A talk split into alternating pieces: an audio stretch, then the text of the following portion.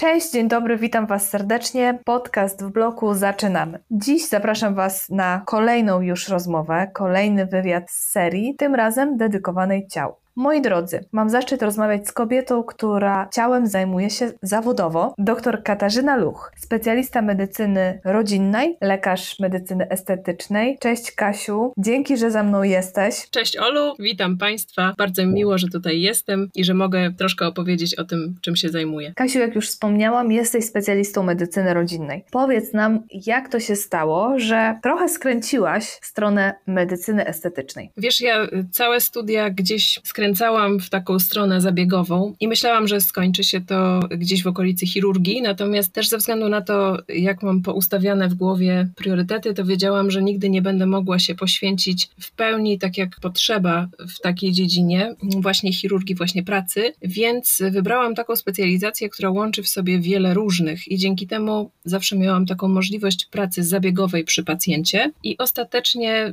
no, medycyna estetyczna zawsze mnie fascynowała i, i wiesz, i tak powoli, powoli, po kawałku, aż ostatecznie no, wciągnęła mnie zupełnie, więc oto jestem. A powiedz, co szczególnie zafascynowało Cię w tej dziedzinie medycyny, bo to jest dla mnie bardzo ciekawe. Wiesz co, powiem Ci, że chyba najbardziej, najbardziej podoba mi się taka możliwość dania komuś zmiany, takiego powiedzmy sprezentowania komuś zmiany i teraz to jak ja myślę o, o tej mojej pracy, to przede wszystkim nie myślę o takich totalnych metamorfozach i nie myślę o modyfikacjach, chociaż rozumiem, że one nie, niektórym osobom mogą dawać szczęście. To po prostu nie jest moja ani estetyka, ani filozofia pracy. Ja chciałabym dokonywać takiej zmiany nie tylko w wyglądzie, czyli ja staram się, żeby ta medycyna estetyczna w moim wydaniu i tej współpracy z pacjentami, żeby ona była jak najmniej właśnie taka płytka i powierzchowna i żeby było w niej o wiele więcej niż tylko strzykawka czy igła. A pamiętasz swoje początki w medycynie estetycznej? Pamiętam oczywiście. Medycyna estetyczna na, na początku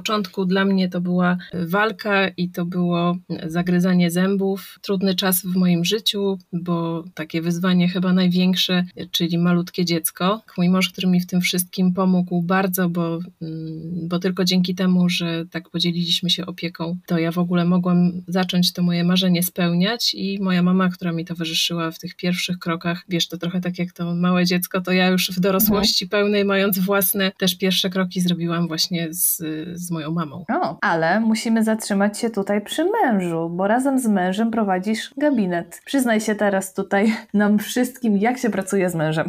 Wiesz co, ja bardzo y, lubię pracować z moim mężem. Y, mimo tego, że y, no, pracujemy niby razem, ale tak naprawdę osobno, dzieli nas ściana, każdy ma swój gabinet, więc y, sama taka świadomość, wiesz, że on jest gdzieś za tą ścianą, to ona mi dużo daje. Ja, nam się wspaniale współpracuje, bo my mamy podobne podejście do pacjentów, ale y, bardzo czasem się nam zdarza ścierać w takich sprawach merytorycznych i mamy y, mocne zdania, mamy swoje doświadczenia mhm. zabiegowe, więc też, też to lubię, chociaż y, ja jestem cholerykiem, więc ja tutaj tupnąć nóżką lubię, no ale ostatecznie mój mąż, który siłą spokoju jest, no to jakoś dochodzimy do takich kompromisów, bo wiesz, jak ustalamy na przykład plany zabiegowe, wprowadzamy coś nowego i musimy dojść do jakiegoś konsensusu, żeby później można było to wprowadzić jakby w całej placówce, no to się tam ścieramy, ścieramy, nie powiem. Ale to wszystko działa. Działa, dobrze, dobrze działa. Kasiu, wiem, że chciałabyś odczarować e, stereotyp medycyny estetycznej. No, w zasadzie powinnam zostawić tutaj przestrzeń dla Ciebie. Powiedz proszę, z jakimi stereotypami medycyny estetycznej spotykasz się w swojej praktyce? Kiedy zaczynałam pracować,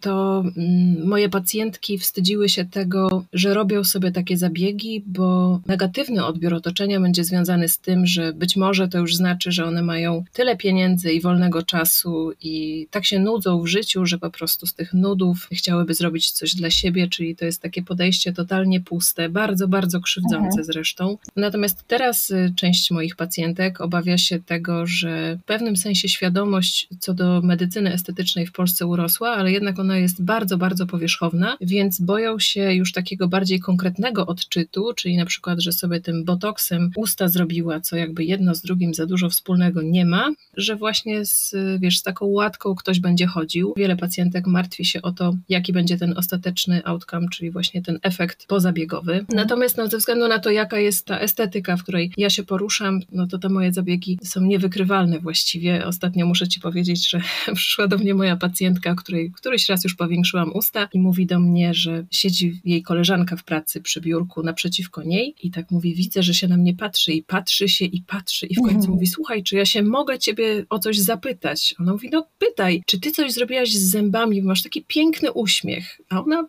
trzyma sobie tylko usta. Czy uważasz, że medycyna estetyczna to nadal temat tabu? Czy zdarza ci się e, słyszeć od pacjentek, że ukrywają przed bliskimi, e, że robiły sobie jakiś zabieg z zakresu medycyny estetycznej właśnie? Zdarza mi się ciągle. Coraz więcej mam takich kobiet, które są bardziej świadome i mniej się też boją, bo gdzieś jednak jest taki lęk, mm, że boją się być posądzone o próżność, uh-huh. powierzchowność właśnie, czy o takie, wiesz, że, że jakby wygląd dla nich jest najważniejszy. Ludzie zupełnie nie myślą, co to daje, tak, co taki zabieg może mhm. komuś dać. I, no i bardzo często w takich y, rozmowach rodzinnych, gdzie ktoś kogoś pociągnie na język i ten ktoś mu się przyzna, no to ostatecznie kończy się to źle dla tej osoby, która się, wiesz, wysypała, nie mierzy się później z całą górą stereotypów, no i taka mhm. osoba później wyrzuca sobie, że w ogóle, wiesz, odezwała się i powiedziała prawdę. Kasiu, powiedz, czym w zasadzie dla Ciebie jest medycyna estetyczna i jak chciałabyś, żeby postrzegali ją pacjenci, ale i nie pacjenci? Wiesz, ja bym chciała, żeby ona była przede wszystkim takim leczeniem duszy, bo to jest coś, co, co się y, odbywa, można powiedzieć tak codziennie właściwie w moim gabinecie i nie tylko moim gabinecie, w ogóle w gabinetach lekarzy, którzy pracują z tym pacjentem właśnie głębiej niż tylko na jego powierzchowności. I tu nie chodzi absolutnie o żadne czary-mary. Tu po prostu chodzi o to, że no właściwie to, co mówię pacjentkom zawsze, czyli jeśli wstajesz rano i idziesz do lustra i dasz sobie po prostu tylko okejkę tak dla siebie, że, że mhm. wyglądasz ok, wyglądasz dobrze, to cały twój dzień już y, tak naprawdę potoczy się łatwiej. On będzie bardziej z górki niż pod górkę, bo dałaś sobie rano tą okejkę. I w tej medycynie estetycznej przede wszystkim chodzi o tą okejkę. Nie chodzi o to, żeby, żeby z, z kwasu hialuronowego ukleić jakiegoś plastusia i, i nie chodzi o to, żeby ktoś w lustrze nie był w stanie się poznać i żeby nie pamiętał od czego zaczynał i jak wyglądał kiedyś. Chodzi o to, żeby drobnymi korektami, żeby dobrze rozplanowanym zabiegiem czy serią zabiegów spowodować, że taka osoba zaczyna właśnie kochać siebie, bo tak naprawdę nie jest wcale zmodyfikowana. To są drobne rzeczy, które już w niej były i tylko zostały wyciągnięte jakby troszkę na powierzchnię, tak jak mówię moim pacjentkom, że tak, mhm. żeby je troszkę wypolerować i to już wystarczy. I one mhm. naprawdę lata ze mną trwają w takim poczuciu, że one same są wystarczające, tak, że jakby czują się też bezpiecznie, bo nikt ich nie stawia pod ścianą i nie wypunktowuje ich, tak? I nie jest tak, że jedno zrobisz, ale och, to było beznadziejne, więc dobra, jak już to zrobiliśmy, to zróbmy kolejne, bo to jest tylko bardzo złe, a jak kolejne coś zrobimy, no to mamy jeszcze wiele złych rzeczy do poprawienia. Uważam, że to jest niesprawiedliwe mhm. podejście. A złe. czy zauważasz wpływ mediów społecznościowych na pacjentów, na przykład na to, jakie procedury wybierają? I niestety zauważam. Jest moda w medycynie estetycznej, podobnie jak mhm. we wszystkich, być może nawet dziedzinach życia, więc to, co jest viralowe, to co jest popularne, to co się klika, to co się hashtaguje, to jest też to, z czym czasem pacjentki przychodzą. To nie jest może tak do końca profil pacjentek, z którymi ja pracuję. Moje pacjentki są bardzo świadome, więc one raczej może pytają niż przychodzą z taką listą życzeń. Natomiast na pewno jako zjawisko ono jest istotne, nie można go zbagatelizować i trzeba myślę, że być bardzo na bieżąco. Ja staram się być y, super na bieżąco ze wszystkimi nowinkami, z różnymi technikami technikami zabiegowymi, z technologiami, z sprzętami, z produktami, mhm. po to, żeby móc merytorycznie odpowiadać moim pacjentom. Ale jednak e, mam takie poczucie, zresztą powiedziałaś to wprost, zaczynając zdanie od słowa niestety, że te media społecznościowe w jakiś sposób wykrzywiają nas, prawda? Że kobieta może czuje się e, niewystarczająca. Cała zasada Instagrama jako platformy sprzedażowej i innych mediów społecznościowych jest taka, żeby, no, żebyś czuła się właśnie niewystarczająca, żebyś komuś mogła albo zazdrościć, albo kogoś podziwiać. I o ile czasem ten podziw, czy taką nawet zazdrość można przekuć w coś dobrego, o tyle jeśli naprawdę czujesz się no, z każdej strony zasypana obrazami idealnych kobiet i nie tylko ich twarzy, ale też ciał, to naprawdę można się zgubić. I to nie gubią się tylko nastolatki, czyli nie to, że Instagram powiedzmy gdzieś tam ogranicza zasięgi dla, dla takich platform typu chirurgia plastyczna poniżej 18 roku życia. To gubią mhm. się kobiety w każdym wieku, gubią się pacjentki dojrzałe i po pięćdziesiątce, dlatego że nie potrafią, jest im trudno odróżnić, jeśli nie funkcjonują w takim środowisku na co dzień, jest im trudno bardzo odróżnić, co jest prawdziwe, a co jest mocno zretuszowane, a co po prostu jest bardzo mocnym makijażem, a co z kolei jest wszystkim naraz. A czy spotykasz takie pacjentki, które właśnie gdzieś się zagubiły w tej przestrzeni, o której wspominasz? Powiem mhm. Ci, że miałam ostatnio taką rozmowę z moją pacjentką, w czasie której no, powiedziałam jej wprost, że wydaje mi się, że nasze drogi niebawem się rozejdą, bo mhm. ona szuka takich rozwiązań, które są bardziej tożsame z chirurgią plastyczną niż z medycyną estetyczną, więc ja z moimi zabiegami nie będę w stanie spełnić jej oczekiwań. Chciałam jej powiedzieć to, wiesz, w takiej pełnej prawdzie, bo ja tak mhm. tak lubię pracować z pacjentkami, żeby no, nie bić piany. Moją pacjentkę to zaskoczyło, że ja ją, że ja tak powiedziałam, ale myślę, że to być może się spełni. No, może to da coś do myślenia, chociaż to nie była moja intencja, bo ja tu absolutnie nikogo nie będę mhm. sprowadzać na, wiesz, na jedyną słuszną drogę, bo nie ma jedynej słusznej drogi, każdy tak. ma swoją. Ale po prostu, jeśli widzę, że pacjent dryfuje, czyli oddalamy się, jeśli chodzi o nasze cele, e, czy tak. środki y, do, tych cel, do, do zdobycia tego celu, to wolę to powiedzieć, niż pracować z pacjentem, który zawsze jest niezadowolony. Pewnie, 100% racji. Kasiu, kilka lat temu otworzyłaś projekt Uncleft. Piękna inicjatywa. Powiedz o tym coś więcej. To jest mój projekt, wiesz, taki z głębi serca, który skierowałam do kobiet i mężczyzn, którzy urodzili się z rozszczepem wargi i to są ludzie, którzy no, przeżyli najczęściej wiele zabiegów operacyjnych. Ich droga i start w życiu były y, trudne. To szczególnie chciałabym docenić, dać im taką szansę, jeśli tylko by chcieli, żeby pomóc y, skorygować czerwień wargową, y, taką jaka pozostaje po tych zabiegach, więc ona czasem może być nierówna, może mieć różnego rodzaju deformacje. A czy to jest skomplikowany zabieg? To jest zabieg, który jest obciążony wyższym ryzykiem powikłań ze względu na to, że nie ma, nie można tutaj mówić o żadnych strukturach takich typowo anatomicznych. One są, tkanki są zszywane, tych operacji jest wiele, więc też y, trudno ocenić tak do końca anatomię, także musiałam się mhm. czuć y, już na tyle dobrze przygotowana y, technicznie, merytorycznie, żeby ten program otworzyć, tak żebym była no, jak najbardziej bezpieczna dla moich pacjentów. Powiem jeszcze, bo może to nie wybrzmiało, że to jest taki program pro bono, więc program, w którym pacjent jest mhm. zaopiekowany przeze mnie, natomiast nie płaci nic za te zabiegi. Tutaj czasami jest zabieg nie tylko w obszarze czerwieni wargowej, ale również zabieg lub zabiegi w obszarze blizny pozabiegowej, tak żeby Aha.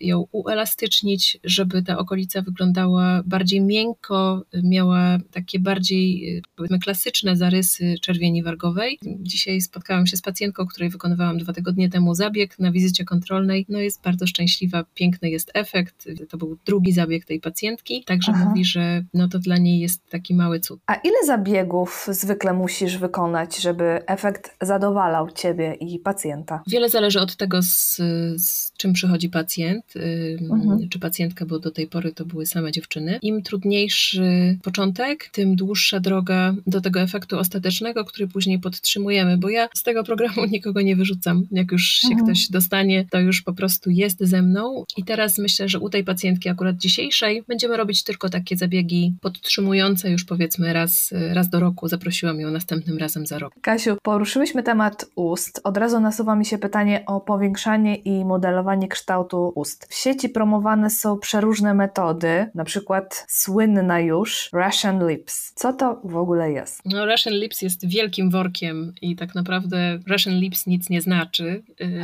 jest workiem wielu, wielu technik zabiegowych, ale jest świetnym hashtagiem, więc y, używa się go. Natomiast no, usta, jakbyście sobie tak wklepali, czy ty byś sobie wklepała w Insta hashtag mhm. Russian Lips, to taka mnogość zdjęć wys wyskoczy, które nie mają ze sobą nic wspólnego ostatecznie wyglądowo, że e, no, że to właśnie tak jak mówię, to nic nie znaczy. Pierwotnie Russian Lips to usta, które można powiedzieć, że to takie usta skalki, czyli to takie usta, czy jakby efekt ostateczny do zrobienia na każdych ustach wyjściowych praktycznie przy użyciu dość traumatycznej techniki i dużych Ojej. objętości preparatu. Mhm. I rzeczywiście, jak znalazłam lekarkę, która zaczęła promować tą metodę, to jeszcze w Polsce mało kto słyszał. Powiedziałam o tym mojej przyjaciółce doktor Nalewczyńskiej i ona mówi do mnie, Kaśka, musimy pojechać na to szkolenie, więc oczywiście chciałyśmy pojechać na to szkolenie, bo byłyśmy zafascynowane tym, mhm. jak można zrobić z, z niczego coś za każdym razem tak bardzo powtarzalne. Ale Ale przemyślałyśmy to obie i, i, po tym momencie fascynacji stwierdziłyśmy, że jednak coś jest nie tak, w sensie takim, że dla nas jest coś nie tak, mhm. bo, bo taka trauma dla tkanki, czyli to, co wiesz, jak tak po tym pierwszym momencie takiej fascynacji, ona była czysto techniczna. Mhm. Jak się, ja się mocno pasjonuję tym, co robię, więc ja potrafię się zakochać i zachwycić i właśnie to był taki mniej więcej proces. No i jak już ochłonęłam trochę, to pomyślałam sobie, że nie, że po prostu trauma dla tkanki jest tak niesamowita, że ja nie byłabym w stanie zrobić zrobić takiego zabiegu pacjentowi, więc zadałam sobie pytanie, po co mam jechać, jeśli go nigdy nie zrobię. I tutaj chciałabym, Kasiu, e, się zatrzymać i zapytać, dlaczego usta nie powinny być za duże. Wspomniałaś o problemach e, z tkanką, o traumie. W ogóle jest tak, że tkanka zapamięta sobie każdą ingerencję i każdy zabieg. Czy jest to e, wyciśnięcie lub nakłucie pryszcza, czy jest to iniekcja z kwasem hialuronowym, czy nawet z toksyną botulinową, ponieważ to będzie zawsze tworzyć mikroblizny w tkance. I mhm. teraz powtarzalne iniekcje tworzą takie usta trochę sztywniejsze, z inną strukturą tkanki, natomiast duże objętości podawane, szczególnie w krótkim czasie, powodują traumę taką ciśnieniową dla tkanki, czyli po prostu, no mówiąc potocznie, bardzo rozpychają. I w związku mhm. z tym, że tkanka nie ma czasu, żeby się przygotować na taką ingerencję, bo dzieje się to no, w ciągu kilkunastu minut, mhm. później ona ma problem, żeby, można powiedzieć, no, wrócić do tych poprzednich rozmiarów, kiedy ten kwas hialuronowy zniknie. No I wtedy no, zostają takie, mm, można powiedzieć, takie woreczki z, z tych ust. Oczywiście w związku z tym też, że to trauma, to często te efekty utrzymują się długo, być może nawet zdecydowanie zbyt długo, jak na to, jakie by było życzenie pacjentki. To po prostu nie jest kaprys młodości, gdzie włożymy w te usta dużo objętości, a później, jak już wejdziemy w wiek, nie wiem, 30 plus, 40 plus, to te usta zejdą, one prawdopodobnie nie zejdą, Aha. tylko zostaną w takiej wersji, więc to też jest decyzja na całe życie, co mało osób sobie uświadamia. Bo usta powinny być, zdaje się, szyte na miarę, dobierane indywidualnie do anatomii urody pacjenta i to właśnie robi sztyp. Wiesz co, szkoda, że mnie nie widzisz, bo mi się oczy zaświeciły. Oczywiście, że usta muszą być szyte na miarę.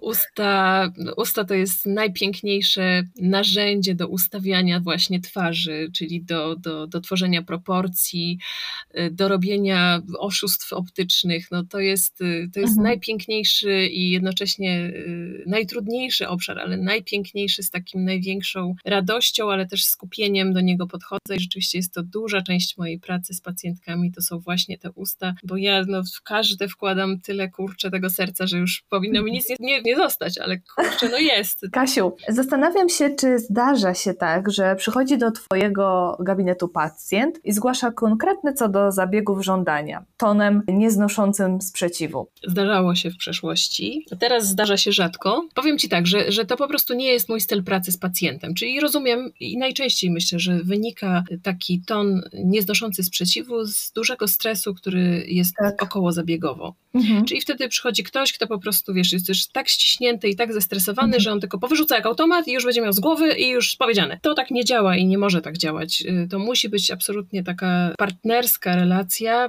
tak żeby pacjent był w pełni decyzyjny, ale żebym też ja mogła mieć tutaj jakiś swój głos w tej dyskusji, bo on jest też bardzo ważny jako głos eksperta i kogoś, kto ma tutaj doświadczenie, a nie tylko tak jak pacjent jest ekspertem w swojej własnej twarzy czy ciele, więc dlatego uważam, że to partnerstwo, tak jak powiedziałam wcześniej, mhm. absolutnie musi być. Jeśli tak się zdarza, to ja takiego pacjenta umiem, no nie chcę powiedzieć spacyfikować, a wiesz, to złe słowo, ale, ale myślę, że po prostu umiem wrócić do takiego mhm. bezpiecznego, spokojnego poziomu rozmowy i wtedy tak, jeśli jest lista żądań, ja zawsze chętnie wysłucham, bo uważam, że to jest ważne, z czym przychodzi do mnie taki pacjent. No, co on sobie wymyślił, tak. co on tak. sobie wymarzył. to już inna kwestia, czy wiesz, czy to w ogóle będzie miało jak, jakikolwiek sens w, w, jego konkretnej twarzy, no bo być mhm. może czasem zupełnie nie, ale też, też muszę to umieć powiedzieć tak, żeby tego człowieka nie speszyć, żeby się nie poczuł głupio, żeby się cały czas czuł, czuł bezpiecznie w mojej obecności, więc mhm. tak to robię, żeby właśnie tak było. Wracając do pacyfikowania pacjentów, jakiś czas temu gościłam tutaj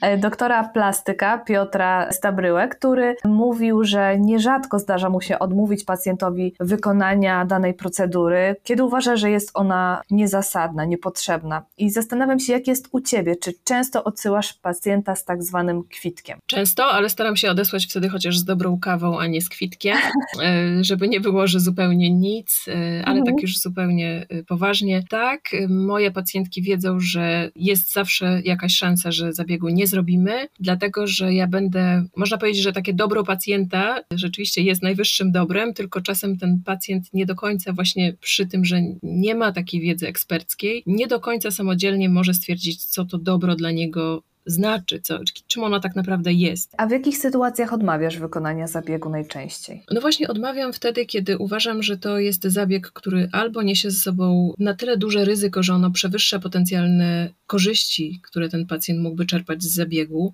mhm. lub jeśli to nie będzie zabieg dobry w takim sensie właśnie optycznym, estetycznym, harmonii, y, dodania harmonii twarzy, kiedy jest to zabieg, który jest, powiedzmy, o którym decyzja była podjęta w jakiejś silnej sytuacji stresowej, w momencie, nie wiem, rozwodu, żałoby. Jestem okay. niezwykle ostrożna w kwalifikowaniu pacjentów, szczególnie do zabiegów, które potencjalnie mogą coś dodać do twarzy, czyli jak takich mhm. wolumetrycznych, ale też są zabiegi, które po prostu no, totalnie są od czapki i one w takiej twarzy no, nie mają po prostu co robić, lub pacjent wymyśli sobie konkretny zabieg, ale on zupełnie to jakby nie tędy droga, tak? Czyli bardziej wtedy rozmawiamy o celu, a nie o drodze do tego celu. Drogę zasugeruję ja i pacjent sobie oczywiście wybierze i zdecyduje. Pytałam o to Piotra, zapytam i ciebie, jakie są reakcje pacjentów, którym mówisz stop? No, powiem ci, że są różne. To jest dla mnie zawsze stresujący moment, bo wiem, że wiele osób myśli, że przyszło rzeczywiście jak do, wiesz, warzywniaka po te ziemniaki. No i ono,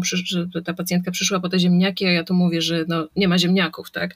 Nie chciałabym y, tego oczywiście y, bagatelizować, bo to jest zdecydowanie głębszy temat. Natomiast ja cieszę się dużym zaufaniem moich pacjentek. Wiem też, że wiele z nich w takiej sytuacji zareaguje potencjalnie lub już zareagowało w pełni zaufania. Czyli usłyszałam, że dobrze, pani doktor, jeśli pani uważa, że to jest złe, dlatego że, bo ja zawsze tłumaczę, dlaczego uważam, że jest to zły zabieg, to odłóżmy, przesuńmy, nie róbmy, ale zdarzały mi się sytuacje, w których pacjentka no, trzasnęła drzwiami i wyszła. I, i nie wróciła albo wróciła po długim czasie.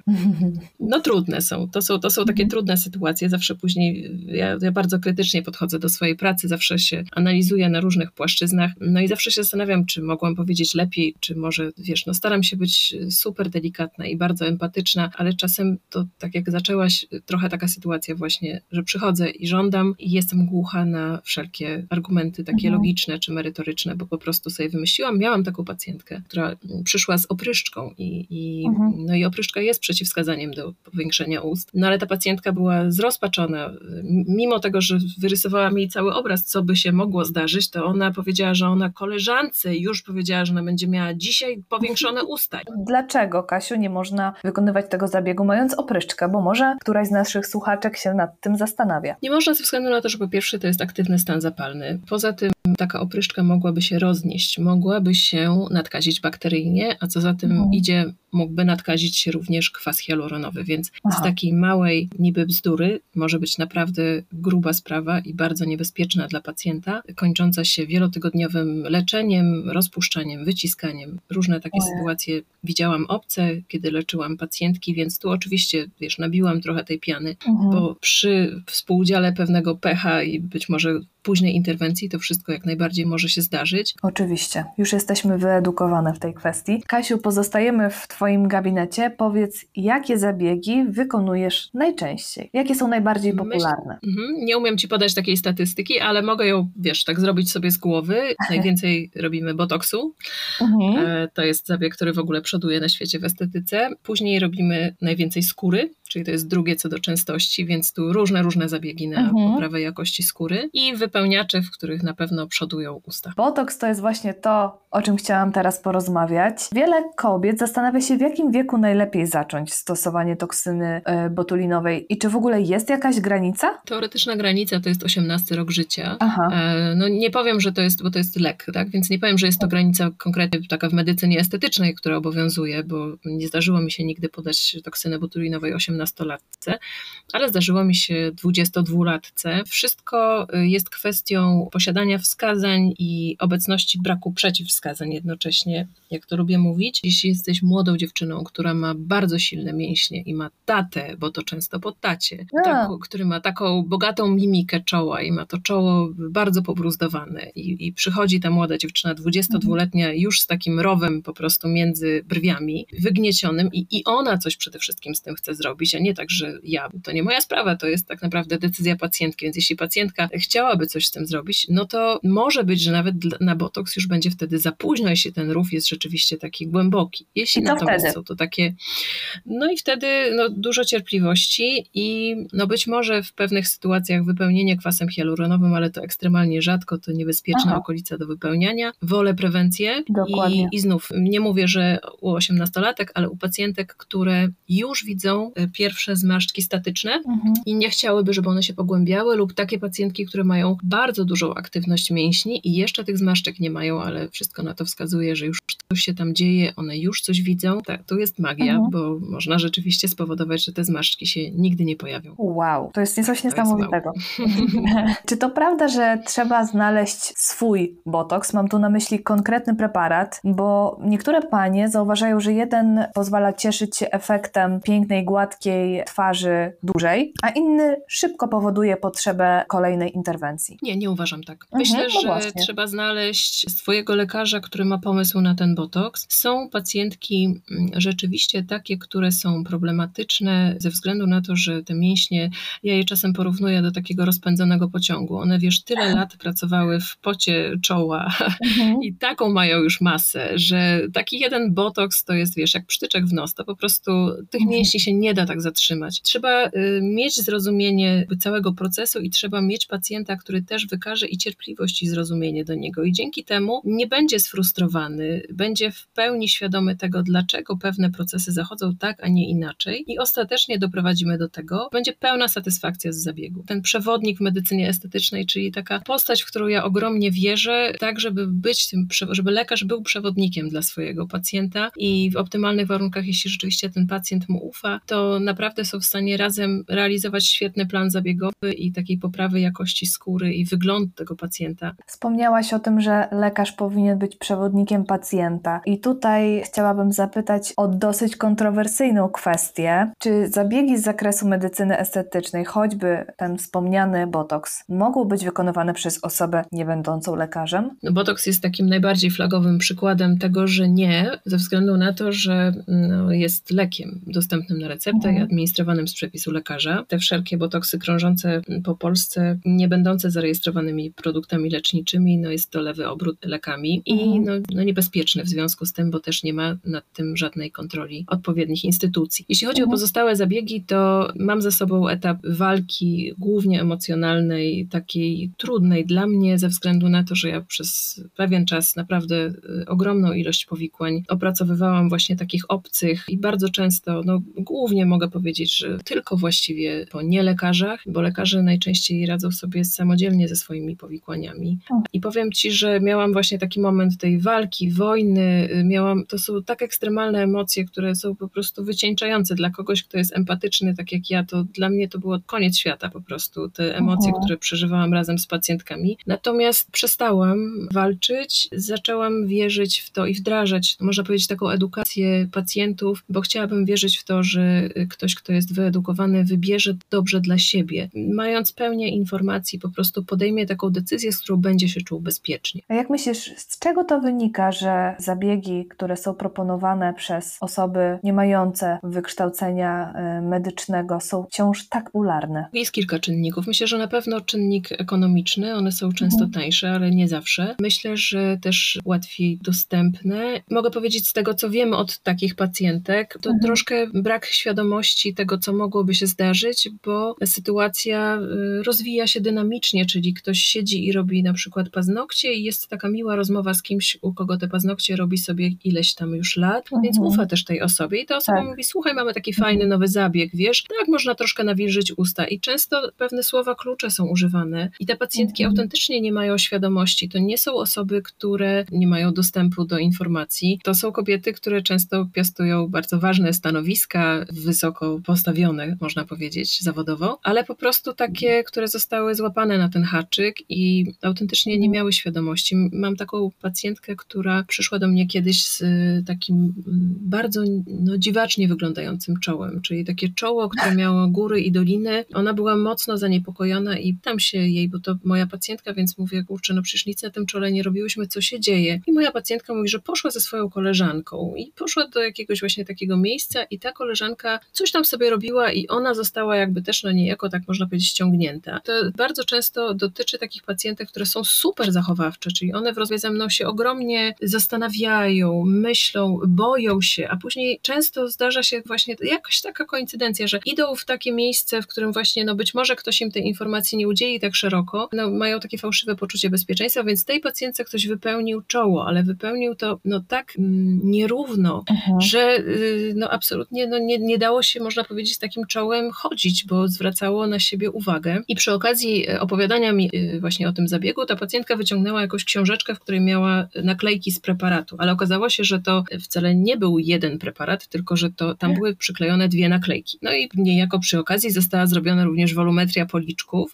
Ta pacjentka jakby totalnie nie miała świadomości, bo myślała, że to była mezoterapia. Ja w przedziwnej sytuacji zostałam postawiona, musiałabym się jakoś, no powiedzmy, za kogoś tłumaczyć, ale no wiesz, no, mhm. Co mam powiedzieć, jak mam tylko naklejkę, tak? Troszkę ją uspokoiłam, pokierowałam tak, żeby wiedziała, co dalej, natomiast no powiem Ci, że no dużo takich dziwacznych sytuacji i właśnie taki brak świadomości związany często z niedoinformowaniem. Jakie mogą być konsekwencje takiego zabiegu, który nie był spod igły lekarza? To ja może zacznę tak, że lekarze też mają powikłania, bo myślę, że to jest duży punkt sporny i nie chciałabym tutaj też wychodzić na piewce takiej teorii, która mówi, że lekarze nie robią y, błędów. Oczywiście każdy, kto pracuje zabiegowo, takie błędy prędzej czy później popełni, nawet żeby był niesamowicie przygotowany merytorycznie i żeby miał bardzo duże doświadczenie, po prostu praca na żywym człowieku niesie ze sobą takie ryzyko. Ale praca z lekarzem niesie ze sobą również większe poczucie bezpieczeństwa ze względu na to, że jesteśmy w stanie chociażby zaordynować leczenie i zrobić to szybko i skutecznie. Pacjentki często nie zdają sobie sprawy z tego, jak bardzo niebezpieczne zabiegi są im wykonywane i później szukając pomocy, no,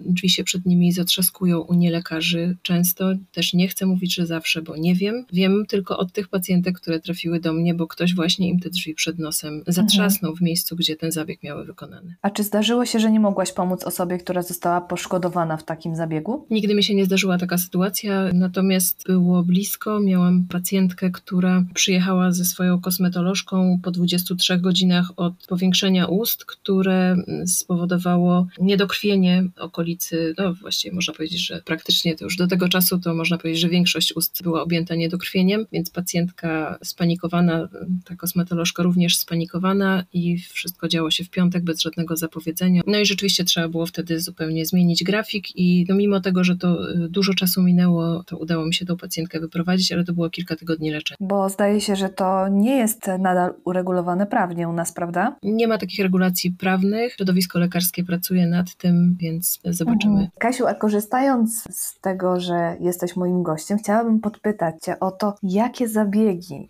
należałoby wykonywać, żeby zachować młody, promienny, ale nie przerysowany wygląd. Na pewno trzeba, y, warto jest robić zabiegi kondycjonujące skórę. I teraz no, powiedzmy na pewno o mezoterapii, powiedzmy na pewno o dermapenie, powiedzmy o złuszczaniu y, kwasami, o stymulatorach. Więc mamy ten worek kondycjonujących zabiegów i kilka takich najbardziej moich ulubionych wymieniłam. Botox. Botox jest mhm. świetnym narzędziem właśnie takim prewencyjnym i reszta to już są takie wisienki na torcie, tak? To są właśnie usta, to są czasem policzki, to jest jakaś wolumetria, to są nici. Mm, zaczęłabym zdecydowanie od skóry i to taką, od takiej skóry, która kończy się, nie mogę tego słowa powiedzieć, więc powiem, że na piersiach, tak żeby rzeczywiście to wszystko było spójne, tak? A nie twarz, która jest zdecydowanie młodsza w sensie jakości skóry, wieku skóry w stosunku do szyi czy dekoltu, mhm. czy dłoni. Kasiu, a teraz trochę na temat ciała. Porwałaś tysiące insta dziewczyn z kanap. Powiedz, kiedy zaczęłaś regularnie ćwiczyć i co cię do tego zmotywowało? Zaczęłam ćwiczyć e, pod koniec lutego, no i nie przestałam, mam nadzieję, już nie przestać. Oczywiście mhm. zrobiłam dużą zmianę w swoim życiu i okazało się, że jestem w stanie pociągnąć inne kobiety, co mnie ogromnie cieszy. Jest to jedna z takich wielkich radości w moim życiu, dlatego że ciągle, można powiedzieć, ona się odnawia, ciągle ktoś przychodzi, ktoś pisze, że zaczyna ćwiczyć, że zmienił swoje życie, że idzie po zdrowie, bo tu właśnie w całej tej akcji chodzi o to, żeby, że idziemy po zdrowie, nie idziemy po chudość, nie idziemy po schudnięcie, nie idziemy po te kilogramy, one się gdzieś tam robią przy okazji, ale właśnie idziemy po to zdrowie. Czyli najważniejsze jest to, żeby się nie fokusować na chudnięciu, prawda? Bo bardzo często rezygnujemy, jeżeli nie zobaczymy w ciągu miesiąca na przykład, że waga leci ostro w dół. To już jest dla nas koniec. Tak, to jest historia mojego życia, to jest właściwie można powiedzieć powtarzalna historia mojego życia. Mhm. Takie próby schudnięcia i takie, takie motywowane y, negatywnymi emocjami, motywowane mogę nawet powiedzieć grubo, że nienawiścią do siebie. No trudne momenty, trudne lata w moim życiu, gdzie z takiej nienawiści próbowałam się, no można powiedzieć trochę tak unicestwić, no nie wyszło z tego nic na całe szczęście, ale gdybym tym razem zaczynała rzeczywiście z takim pomysłem na schudnięcie, czy z jakimś celem kilogramowym, to już dawno by mnie nie było w tej akcji, takiej aktywności fizycznej, już dawno bym się zniechęciła i rzuciła to wszystko w kąt, tak jak wielo, wielo, wielokrotnie wcześniej. Jakie zmiany w ogóle zauważyłaś, odkąd regularnie ćwiczysz? No bo to już jest parę dobrych miesięcy i to już jest nawyk, prawda? Tak, to już jest nawyk, bardzo brakuje mi, tak jak dzisiaj mam taki rest day, to już przebieram nóżkami, coś bym zrobiła, ale wiem, y, bo moje ciało mi mówi, Kaśka, przestań i wyluzuj, więc mam ten dzisiaj dzień jeden luzu, ale to jest taki nawyk, który może jest to kwestia trochę uzależnienia od endorfin, to co mówią ludzie, którzy ćwiczą. I jeśli tak, to ja wpisuję się pod tym, zgadzam się na to. To wiele zmian pozytywnych wprowadziło. Przede wszystkim sprawiło moją gospodarkę cukrową, bo mhm. mam diagnozę insulinooporności. No i stwierdziłam, że nie chciałabym żyć już na tabletkach do końca życia. Chciałabym zrobić coś i to może być taki jeden z ostatnich dzwonków dla mnie. Zmiany stylu życia właśnie przede wszystkim, ale powiem Ci, że mam o wiele więcej energii. Ja w ogóle zawsze miałam taki, wiesz, ogień w butach, ale teraz to już mam, kurczę, dwa ognie w butach. Biegam, robię dużo. Mam też, wiesz, nowy świetny temat do rozmów z pacjentkami. Wiele, wiele moich pacjentek jest ze mną też na Instagramie, także to jest, ach, to jest taki świetny temat. Dużo się od nich uczę, no to wzbogaca nasze rozmowy. Promujesz aktywność fizyczną na instagramowym profilu, polecasz różne treningi i tutaj musimy skupić się na kultowych już treningach chodzonych. Powiedz, nam, co to znaczy trening chodzony? Nie powiem Ci, że chyba ja wymyśliłam to pojęcie tak niechcące i ono się przyjęło, ale być może ono funkcjonuje w świecie. To są proste treningi, to znaczy ich moc właśnie e, opiera się na tym, że one wyglądają no, trywialnie, ponieważ po prostu sobie maszerujesz, raz na jakiś czas sobie tam kolanko podniesiesz albo nóżkę i wydaje się, że przecież kurczę, no wszyscy to potrafią zrobić, prawda? Więc ta moc mhm. prostoty powoduje, że ludzie wchodzą w to, bo wydaje się rzeczywiście, że to nie jest żadne wyzwanie. I całe szczęście, że tak jest, ponieważ rzeczywiście po części to prawda. Pada się rzeczywiście, wysiłek jest, natomiast moc tych treningów jest właśnie w tym, że rozkręca się powiedzmy ciało y, spokojnie, to nie jest i wygląda, wiesz, nie jest straszne też, tak? Czyli coś, co dla mnie, jak ja widzę na przykład planka, to ja jestem się, dobra, dziękuję uprzejmie, to ja w ogóle nie idę w tą mhm. stronę. Jak sobie przeglądam treningi, y, tak żeby je przetestować, później przećwiczyć i widzę taki rodzaj figury geometrycznej, to nie, to w ogóle nie ma opcji, żebym, żebym mhm. do tego podeszła. Może kiedyś podejdę, ale na razie to jest coś, co mnie demotywuje mocno i wydaje mi się, że to, co mnie przyciągnęło, to przyciąga też wiele kobiet, jak siedzisz na tej kanapie lata całe, tak jak ja siedziałam. Mhm. No i kurczę, widzisz nagle tego planka, nie? Czy widzisz nagle taką super piękną kobietę, która ma sześciopak na brzuchu i takie wspaniale wyrzeźbione ramiona i myślisz sobie, no rany, no gdzie ja w ogóle do takiego kogoś, tak? No przecież mhm. ja tego nie, nie ogarnę. A tutaj masz z kolei dziewczynę, która sama przeszła, bo to jest dziewczyna, która akurat te, od której zaczęły się te moje treningi chodzone. To jest taki profil Grow with Joe. I ta dziewczyna, która przeszła sama taką tak. tak. drogę redukcji y, masy ciała, ale to też takiej właśnie drogę zmiany w życiu. I Aha. dużo kobiet mi pisze, że ona jest taka, no w cudzysłów weźmy to, że jest normalna, czyli no właśnie ona nie jest, y, ona jest taką kobietą jak każda z nas, ona nie jest taką piękną, wymodelowaną trenerką, znaczy jest piękną kobietą oczywiście, natomiast ona, wiesz, ona nie jest taka idealna i to mhm. też przyciąga. Jest bliższa Dzięki nam, temu, prawda? tak, mhm. można się łatwiej łatwiej zidentyfikować i myślę, że, bo zresztą myślę tak dlatego, że też dostaję takie wiadomości, że przez to, że ja też nie jestem taka idealna i no do sześciopaka to nie wiem, czy kiedyś dojdziemy, myślę, że może no, never ever, ale, ale wiesz, no po prostu łatwiej się też ze mną zidentyfikować i z taką moją walką, ponieważ wiele osób toczy taką samą walkę. No i co mhm. jest jeszcze ważne? Ważne jest to, że trudno jest tutaj mieć wymówkę, pod warunkiem oczywiście, że chcesz tych wymówek nie mieć, tak? No jeśli chcesz mhm. ich nie mieć, no to, to, to wtedy jest ci łatwiej, no bo nic nie potrzebujesz. Potrzebujesz mieć buty lub nie, y, potrzebujesz mhm. mieć matę lub nie, lub tylko kawałek podłogi, potrzebujesz mieć gacie, ale nie muszą być wcale sportowe, no i coś na górę i po prostu śmigasz, tak? Więc to jest mhm. piękne, że o każdej porze dnia, nocy, w każdym miejscu, gdzie jesteś, w parku, w ogrodzie, w hotelu, już to przećwiczyłam wszystko, w stroju kąpielowym, jak jesteś, wszystko możesz przećwiczyć, tak? I właśnie chodzi o to, że ta regularność jest o wiele łatwiejsza do uzyskania, dzięki temu, że jest mniej barier. Wspomniałaś o wiadomościach, które otrzymujesz. Muszę przyznać, że bardzo podoba mi się to, że udostępniasz je na swoim profilu i każdy z nas może przeczytać historię innych kobiet, które też walczą, które też mają problemy i sytuacje, które sprawiają, że nie chce im się ćwiczyć, ale jednak starają się i razem z tobą tworzą już w tej chwili taki mały kult, powiedziałabym. To jest taki mały gang, można powiedzieć. Mały gang. Ja zawsze udostępniam, tak, ja zawsze udostępniam historię anonimowo i dbam o to, żeby wszelkie szczegóły, które były w nich podane, które mogłyby ewentualnie służyć identyfikacji, żeby zostały usunięte, zamazane, e, lub też jeśli one są bardzo osobiste, to oczywiście tego nie robię. To ma ogromną moc motywacyjną. I ja tak zresztą piszę tym osobom. Piszę, że udostępniam mhm. anonimowo mm, i, i, że proszę, żeby udostępnić i, i też argumentuję właśnie w taki sposób, że one mają ogromną moc ruszania innych, bo to już wtedy nie tylko ja, ale to też inne kobiety, które może są trochę w takiej drodze wcześniej niż ja, a może tak jak jedna z moich pacjentek, która świeci sześciopakiem na story za każdym razem, jak zaliczy swój WF i tak sobie myślę, kurczę, ona już jest tak, da, jakby tak dalej niż ja, ale jednak jest ta motywacja przyszła ode mnie, to jest wspaniałe, tak sobie myślę, że można rzeczywiście tak wpłynąć na czyjeś życie, że, że ten ktoś y, postanowi sobie, no wiesz, tak zupełnie odmienić. Coś niesamowitego. Kasiu, rozmowa z Tobą była dla mnie ogromną przyjemnością. Cieszę się, że zakończyłyśmy e, ten wywiad treningami, do których także i mnie wielokrotnie motywowałaś. Kasiu, bardzo Ci dziękuję za rozmowę i mam nadzieję, że jeszcze nie raz będziemy miały okazję porozmawiać na temat medycyny estetycznej i nie tylko. Bardzo dziękuję, było mi ogromnie, ogromnie miło, naprawdę. Mam nadzieję, że Państwu się miło słuchało. Dziękujemy i do usłyszenia. Do usłyszenia.